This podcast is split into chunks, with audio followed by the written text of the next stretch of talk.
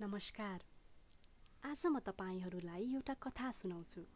मेरो कथा तपाईँको कथा हामी सबैको साझा कथा हो। त्यो कथाको पात्र हामी जो कोही पनि हुन सक्छौँ। सहजताको लागि त्यो पात्रलाई ऊ भनी सम्बोधन गरौँ है। ऊ सानो थियो भर्खरै हिँड्न जानेको थियो। भोलि फुटेको पनि धेरै भएको थिएन। एकैछिनमा रुने एकैछिनमा खित्का छाडी हाँस्ने। कुनै पनि पल लामो समयसम्म याद नराख्ने वर्तमानमा रमाउने।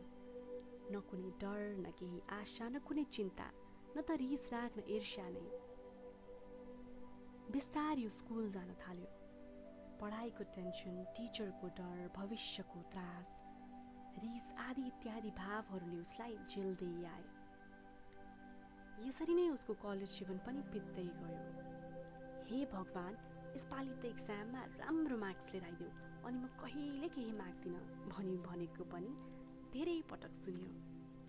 साथीहरूले कहिलेकाहीँ मजाक उडाउँदा एक्लै रोयो। लुकीछिपी कलेज पनि बङ्क गर्यो। मन परेको मान्छेलाई मेसेज गर्न खोज्दा डरले सेन्ड बटन थिच्नुको साटो डिलिट बटन थिच्यो। यस्तै अनेकौँ भावहरूको भुमरीमा भए तापनि रमाउन पनि छाडेन।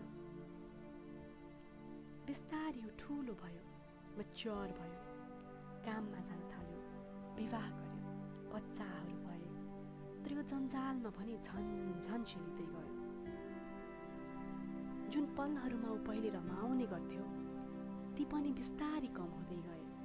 हतार हतार उठ्ने खाना खाने तयार हुने म नलाइ नलाइ काममा जाने फर्किआउने अनि फेरि सुत्ने। उसको अधिकांश समय यही साइकलमा नै सीमित रह्यो। यही कम्फर्ट जोनको दायरामा बाँधियो जो सानो छँदा कौसीमा चरा देख्दा रमाउँथ्यो उसले अहिले घामको किरण नदेखेको पनि धेरै भएछ। हावाको मिठास नचाखेको पनि वर्षौँ बितेछ।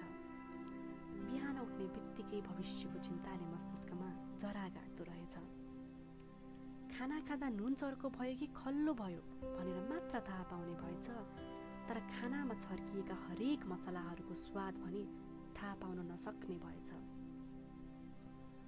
खुट्टामा काँडा बिस्दा थाहा पाउने भए तापनि भुइँमा टेक्दाको स्पर्शबाट अन्जान भएछ। गाडीको आवाज सुन्दा सुन्दै हावाको आवाज बिर्सिएछ।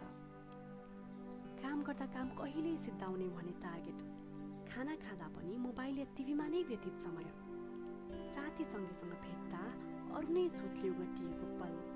राति सुत्ने बेलामा पनि कि त बुधको पश्चाताप के भोलिको चिन्ताले पिरोलिएको क्षणले जीवनलाई एउटा पिँजडामा बाँधेर राखेको कैद जस्तै बनाएछ।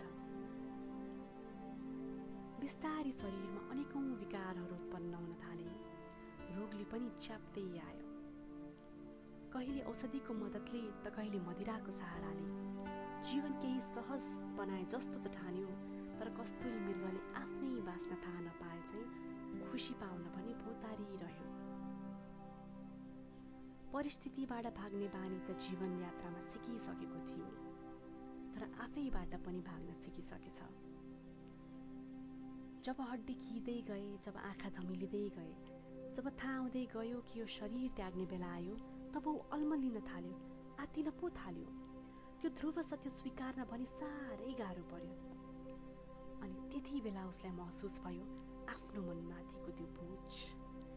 ती सपना र अपुरा कामको भारी डोर्याएर ल्याएका ती पश्चाताप पछि लाग्दै आएका पीडा ती रिसराग सबै भावहरूका भार। तर सम्झना आउन थाले साथी सङ्गीसँगका रमाइला क्षणहरू चराचुरुङ्गीहरूका गीतहरू जुनको शीतलता आफ्नै शरीरमा बग्दै गरेको रगतको सञ्चार। तब याद आउन थाल्यो वर्तमान जुन उसले कहिल्यै जिउन पाएन कहिल्यै जिउन सकेन सायद। जिउन पनि जरुरी ठानेको थिएन। अनि एक दिन ऊ यो संसार छाडी जान्छ। वर्षौँ तन्काउन मिल्ने यो जीवन कथालाई संक्षिप्तमा भन्न सकियो सकिएन होला। तर मलाई लाग्छ साथीहरू हामीहरू अधिकांश यो पात्रको जीवनको कुनै न कुनै चरणमा छौँ। होइन र? लाइफ पनि ओलम्पिकको दौड होइन साथीहरू।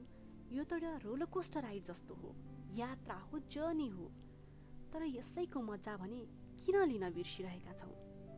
कति व्यस्त छ है जीवन कति अचम्मको छ। प्रेजेन्ट जसको अर्को नाम नै जीवन हो त्यसको भने कसैलाई मतलब छैन। हामी सबै त यसरी पो बाँचिरहेका छौँ कि मानौ हामी अमर हौ। हुन त यो सोच भने धेरै पटक डगमगाएको पनि छ।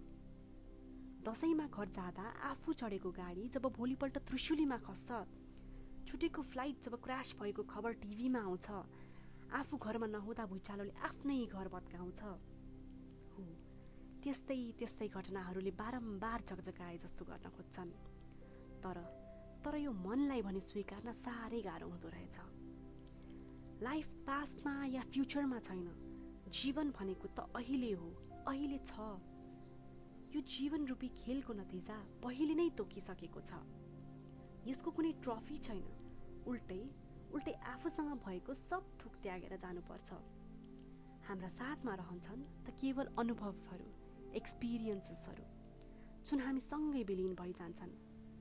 त्यसैले हर एक्सपिरियन्स सँगालौँ हर पल जियौँ धेरैपल्ट सुन्यौँ मरिलानु कि छ र? हो त्यही भनाइलाई अब सार्थकता दियौँ।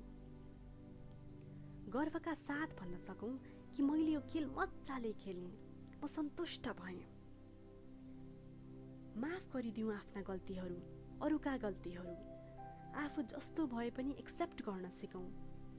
जीवन त्यति स्ट्रेसफुल पनि छैन जति हामी बनाउँदैछौँ कसैलाई फोन गर्न जब मोबाइल हातमा उठाउँछौँ र फेरि केही सोच आउँछ अनि मोबाइल टेबलमा राख्न खोज्छौँ हो त्यही बेला नम्बर डायल गरौँ।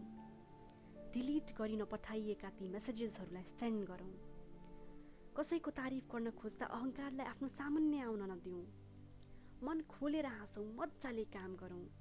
ससाना कुरामा तनाव नलियौँ। पिँजडाबाट उडेको चरी झैँ रमाऊ आफ्नो जीवनको कथा आफै सिर्जना गरौँ। यसलाई एउटा ह्याप्पी स्टोरी बनाऊ यो संसारको रङ्गमञ्चमा आफ्नो प्रस्तुति व्यर्थ नजान दिउँ। साथीहरू के सोच्दै हुनुहुन्छ? स्ट्रेन्ज अझै पनि सोच्दैछौँ अब धेरै नसोचौँ Just start living.